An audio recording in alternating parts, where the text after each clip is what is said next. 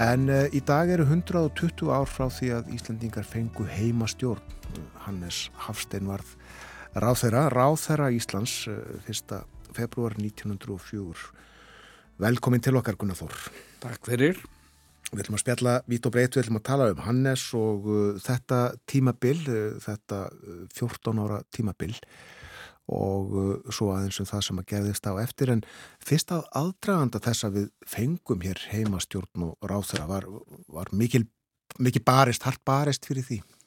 Já, það var náttúrulega búið að ganga eh, sko margt á þarna svona tíu árun á undan en sjálfstæðisbortan byrjar um, eins og allir vita, um miðja 19. öld eða rétt fyrir miðja 19. öld og við lærum þetta í skóla, fjölunismenn og svo kemur Jón Sigursson og, og 1845 eh, fáum við alþingi og þar með við, eru Dani búin að, að viðkenna sérstöðu Íslands, svona þjóðuréttindi Íslands.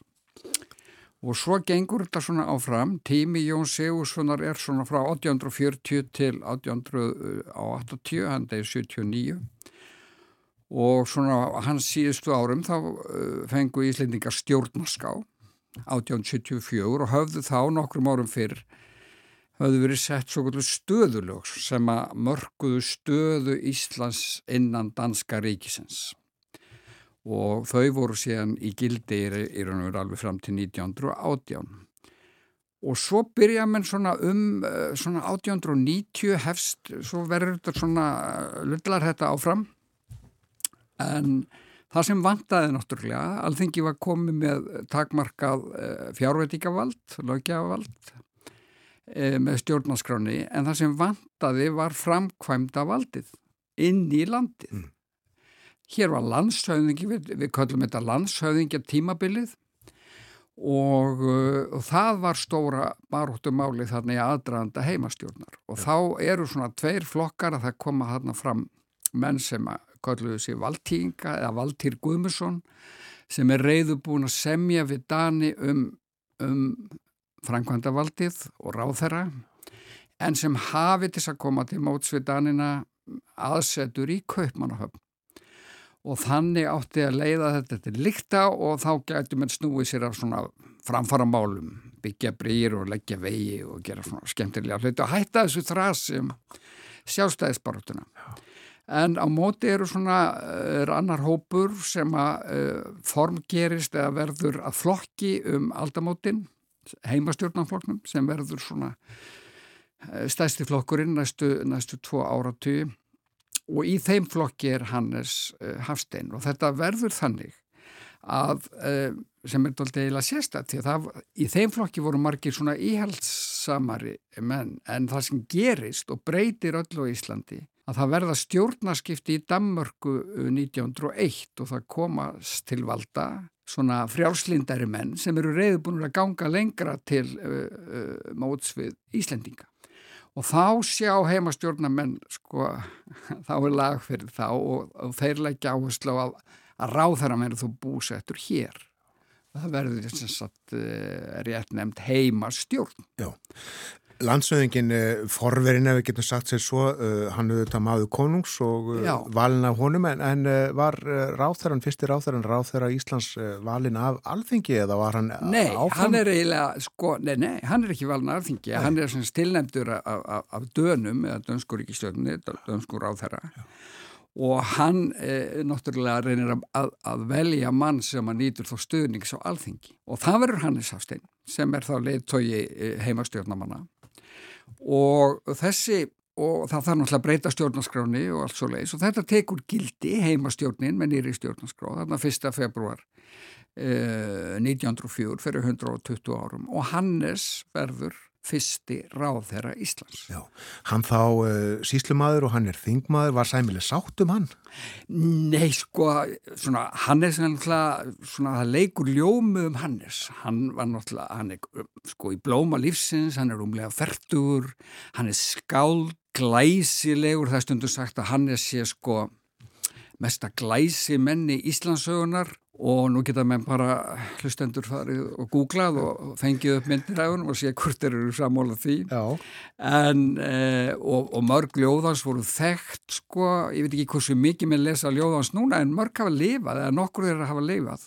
Ég er best að fá ekki fráum og það sem háir hólar, hálfandalinn, fylla og, og fleira. Uh, og hann verður sem stráð þeirra og, og uh, er næstu árin sko, þetta er eiginlega bara eins manns ríkistjórn, það er bara einn ráð þeirra Íslands og þannig er það fram til uh, 1917 þegar myndaði fyrsta ráðunitið. Þannig að menn eru stundum að ruggla með þetta, uh, sko var hann fyrsti fórsetsráðurann, hann er það ekki, uh, það er Jón Magnússon sem myndar fyrsta ráðunitið í áspyrju 1917. Já, akkurat. Já, nei, en það var ekki, sko, það var ekki sátt og það var sko rótækustu þjóðurnissinnarnir voru mjög sko ósáttir með Hannes. E, og sko það voru ortum að nýðkvæði við höfum þennan hund með danska lund eitthvað neginn svona sko vegna þess að e, það sem gerist með heimastjórni að þá er sko síðan fer ráþeran til Danmarkur og leggur e, þar fyrir sko frumvörp og svona fyrir konung en það gerist í ríkisráðinu og í ríkisráðinu sitja danski ráðherrar og þetta þótti mörgum algjör dauðasinn því að þar með væri danir að vasast í íslenskum málum. Við vorum sko kóngsins menn en danska þjóðin átti ekki með að vera að skipta sér að okkur. Og þetta er upphafið að, að flokki sem að hétt svo landarnar, eh, eða, eða fekk nafnið eh, landarnarflokkurinn sem eina ben, annarskáld, áttu nú stóran þátti að, að koma af stað og eru sem sagt mestu rótaklingarnir í sjálfstæðisbarnarlega. Og þeir voru alveg brjálar, það var mjög hörð stjórnaranstaða við Hannes sko á já. Alveg, þetta voru rosalega heftarlega deilur sem ná síðan hámarki 1908 í, í baróttunum uppkastið. Já, já, já, já. 1904 þetta uh, mikið merkis ár í sjálfstæðisögu Íslandinga og uh, svo rennur upp 1918 og þá fáum við fullveldi en hvað gerist þarna á þessum 14 árum? Er, er mikil baróta fyrir já fullveldi og, og jafnvel bara líðveldistofnun? Nei, ekki líðvildstofn, alls ekki, það kem, er ekki neitt til uh, umræðu þarna. En sko heimastjórnin er stærsta skref Íslendinga í átti sjálfstæðis. Því valdi færist inn í landið með ráðherranum. Og þar með verið er líka stopnað sko ráðuniti eða sko skrifstofur og það verða að móta sko stjórn, uh, svona, já, stjórn sísluna. Þannig að þetta eru uh, mjög mikil tímamót. Svo er annað sem gerist þetta líka að sama ár er Íslandsbanki gamli stopnaður og það fer að renna eða flæða en erlend uh, fjármagn inn í landi. Þetta er framfæra skeið. Þetta er mikið framfæra skeið. En það sem vandaði sjálfstæðisbaratuna því þú spurður um fullveldi Já. er að, að það átti eftir að skilgreina stöðu Íslands innan danska ríkisins. Danni voru með auðnaríkismál, hæstiréttur var ennþá út í Danmörku og svona og svo byrja með fljótlega eftir 1904 að reyna að bara leiða þetta til líkta og bara klára þetta.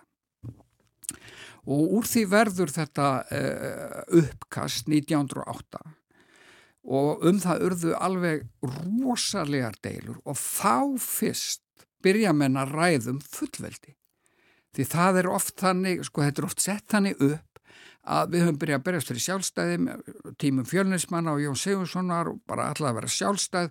Svo hafi þetta bara svona smátt smátt komið. Jón Sigursson talar aldrei um fullveldi. Hann sá Ísland alltaf fyrir sér sko sem hluti sko með danskan kong og, og, og heimastjórnin er bísna nálat því sem að Jón Sigursson eh, gerði ráð fyrir að yrði loka niðurstaðan En samsagt síðan fara að koma þessar hugmyndir um fullveldi og það verður rosalega vakning þarna á heimastjórnurórunum fyrst. Þetta er tími ungmenna uh, félagana og það er svona sko rattir hins titrandi, vorblæs, legum þjóðlífið, ég las þetta eitthvað staðar í, í, í grein, þannig að þetta er mjög skemmtilegu tími. Já. En Hannes, og síðan námenn sam, uh, hérna, samningi við Dani 1908 um þetta uppkast sem er svona sambandslaga samningur í raun og veru. en það reys upp mikil eh, mótspyrna gegn uppkastinu og anstæðingar þess eh, bera sigur og bítum í kostningunum 1908 og þá þarf og þá fer Hannes frá völdum 1909 en þess að með heimastjórninni komst á þingræði.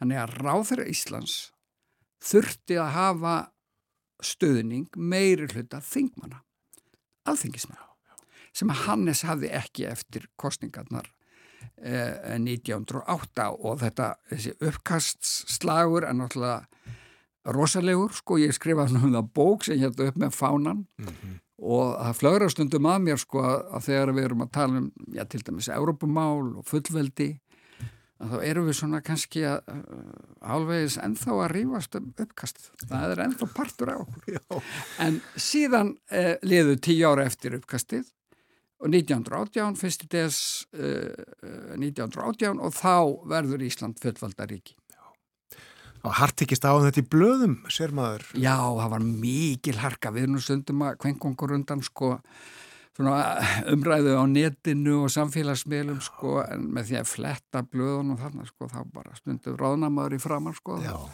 það verður mjög stórirtir.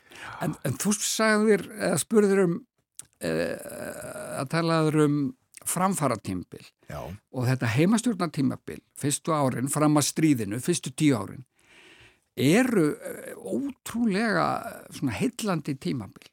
Sko það er kveikt á fyrstu ljósapyrinu hérna í Reykjavík bara skömmu fyrir aldamót. Síðan bara á nokkrum árum, það kemur fyrsti vélbáturinn hérna 1902, síðan kemur fyrsti tógarinn, það er fyrst, eh, flöturinn fyrsti bílinn og sem er kannski stærsti viðburðurinn 1906 eh, að sæstrengur er lagðið til landsins og bara Íslandi er stungið í samband við umheiminn og við bara fengum fréttir að utan bara samtímis en þurftum ekki að býða í marga vikur eða ég bleið mánuði. Eftir næsta skipi? Eftir... Já, já, og svo er þetta kvenréttindin e, þetta er tími bríðar e, konur fá kjörna fjóra fulltrúa í bæðastjórnarkostningunum í Reykjavík 1908 kvenréttindafélagið er stopnað e, það er farið að virkja svona litlar svona va va vassaflsvirkjana eins og fyrst í Hafnafyrði reist uh, stór gasstöð á hlemmi, mjög merkilegt. Þannig að þetta er hillandi tímabil og miklar breytingar á fáum árum. Já. Bíó, gamla bíó. Já. En svo brýst uh, stríðið út, hafði það mikil áhrif á hægði þá öllu eða bara stoppaði henni? Já, það voru erfið ár, það var svona, gekk ágætlega fyrst en, en, en setni stríðsári 1917, 1918 eru sennilega bara erfiðstu ár uh, Íslands á 20. öld. En þá er Hannes eiginlega dottin út því að hans tími er mjög stuttur Hann er, eh, sko, hans fyrstu árin eru frábær, síðan ræklastar frá völdum, verður síðan ráð þeirra aftur 1912. Eh, en þá á þeim tíma, fljóðlega eftir það, fær hann heila blóðfall. Hann verður síðan lands, eh, eh bankastjóri Íslandsbanka, eh, gamla Íslandsbanka. Svo fær hann aftur heila blóðfall og hann er bara rúmlega, sko, 50 þegar hann fær fyrst sko, eða um 50 þegar hann fær fyrst heilablóðfall og svo 1917 fær hann aftur og eftir það er hann bara skuggina sjálfum sér og verður að hætta sem bankastjóri og síðustu árans eru mjög dabuleg. Hann setur samt á þingi til 22 Já, en hann satt ekki á þingi, sko. Kanski bara, nei. Nei, ja, hann satt ekki á þingi, nei. hann þurfti að afsala sér þingmennsku, sko. En hann Já. deyr uh, 22 Einmitt. og þá er hann bara nýjórðin 61 ás Já. og þetta tímabil var svona erfitt fyrir hann persónulega, hann misti kona sína, hún var bara um þertugt þegar hún deyr og þau áttu eignuðust tíu börn, tvöð og ung Þannig að það skiptist á skín og skúri hjá Hannesi en fyrstu heimastjórnar árin eru hans tími og eins og ég sagði þegar hann er komin í ráðherrabúningin, þetta er glæsilegu maður og það leik svona ljómi um hann. Það er alveg rétt. Eh, já, ég hvet eh, fólk til þess að, að eh, fletta upp á internetinu, skoða myndir á húnum, ráðherrabúningurinn nefnur. Já, þetta er síðan síður sem er lagður af þarna fljótlega sko, Já. bara í Damörgu en, en það eru til myndir af honum í, í ráðherrabúning. Var hann einir áþurann sem uh, klætist ráður Já, nei, hann, sko Björn Jónsson uh, sko, sem tekur við, þetta er ennþá þetta, ég held að þetta sé lagt af svona 1913 eða eitthvað um það leiti sko já, já, já. en Hannes tók sér afskaplega vel út í honum Já Einmitt, uh, þessu tímabili í Íslandsögunni heimastjórnatímanum já, honum líkur svo þarna 1918 1. desember Já, en það er eitt kannski uh, fyrsti februar hefur nú aldrei verið neitt svona um, hátíðstafur þannig og kannski fáir sem átt að sjá þessu nema þegar menn eins og við erum að minna á þetta. Eh, en almennt höfum við látið þessa svona þjóðháttíða dagar svona aldrei drabbast niður. Þeir eru svona fyrsti des þegar ég var í skóla var alltaf frí. Svo var því hægt þarna eitthvað fyrir aldamótin. Og mér sé að 17. júni er orðin svona hálf umkomu laus það eru aðrar háttíðir sömurinn sem eru svona, að mér er stemming í kringum Hvernig stendur á þessu? Ég veit ekki, þetta þykir kannski uh, ég veit ekki það er eins og 17. júni sko, sem er nú besta tíma um, um mitt sömar að hafa einhvern veginn glata tilgangi sinnum og, og, og kannski að því að hann var svona hefbundin og kannski komið okkur núna að reyna endurveikjand með breytum formerkjum í takt við nýja tíma, þetta er alltaf synd ef að þetta hverfur, það er svona, hann er alltaf fastur í skorðum sko, það er alltaf að fara í kirkjugarðin Emitt, finnst þér við uh, ekki sinna þessari sögu nógu vel? Ég veit ekki. Uh, mér finnst þér náttúrulega fólk aldrei sinna sögu nógu vel því að náttúrulega skemmtilegast í heimi það er að sinna, sinna sögunni. Og þetta tímabil þarna, þegar að Ísland er svona á loka metrónum í sjástæðisbaróttunni, fyrstu 20 árin fyrstu 20 árs síðustu aldar eru ótrúlega skemmtilegu tími, það er svo mikla breytingar það er svo mikil bjart sinu í, í loftinu, Ísland er alltaf í norðið svona framtíðarlandið. Gleimuð því ekki, bara það er ekki langt síðan, menn voru alltaf að væla með Ísland var svo fátækt og afskekt og... en það er breytt. Og núna sjá menn, horfa menn fram á tíman uh, mjög bjart síni, síðan kemur náttúrulega stríðið þarna, 14 1914 og svona dempar þessa bjart síni en, en við mættum alveg vera döglegri að sinna þessu tímpili. Þetta eru lokaordin hjá okkur við ætlum að hlusta á Haug Mortens. Þakkaði fyrir að vera með okkur á morgunvaktinni Gunnar Þó Bjarnarsson Sakfræðingur. Takk fyrir.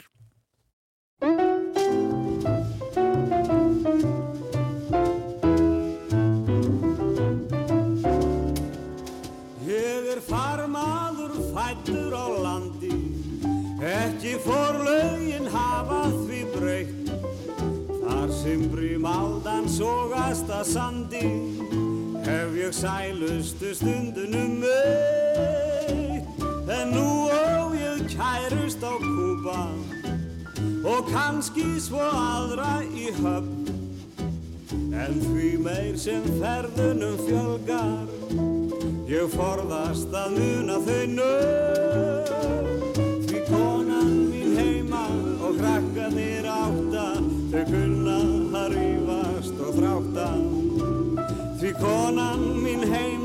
og krakkanir átta Þau kunna að rífast og þrátta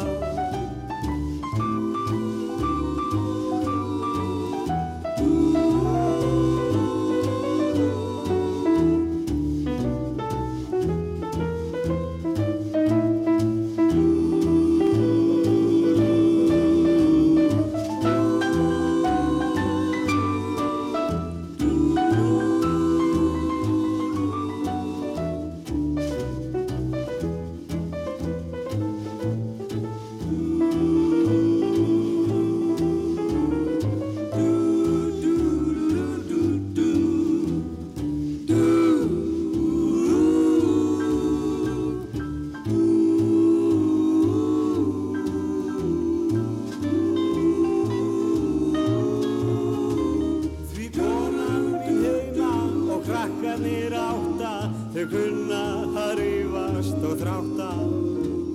Því konan mín heima og krakkanir átta Þau kunna að rífast og þrátta. Þau kunna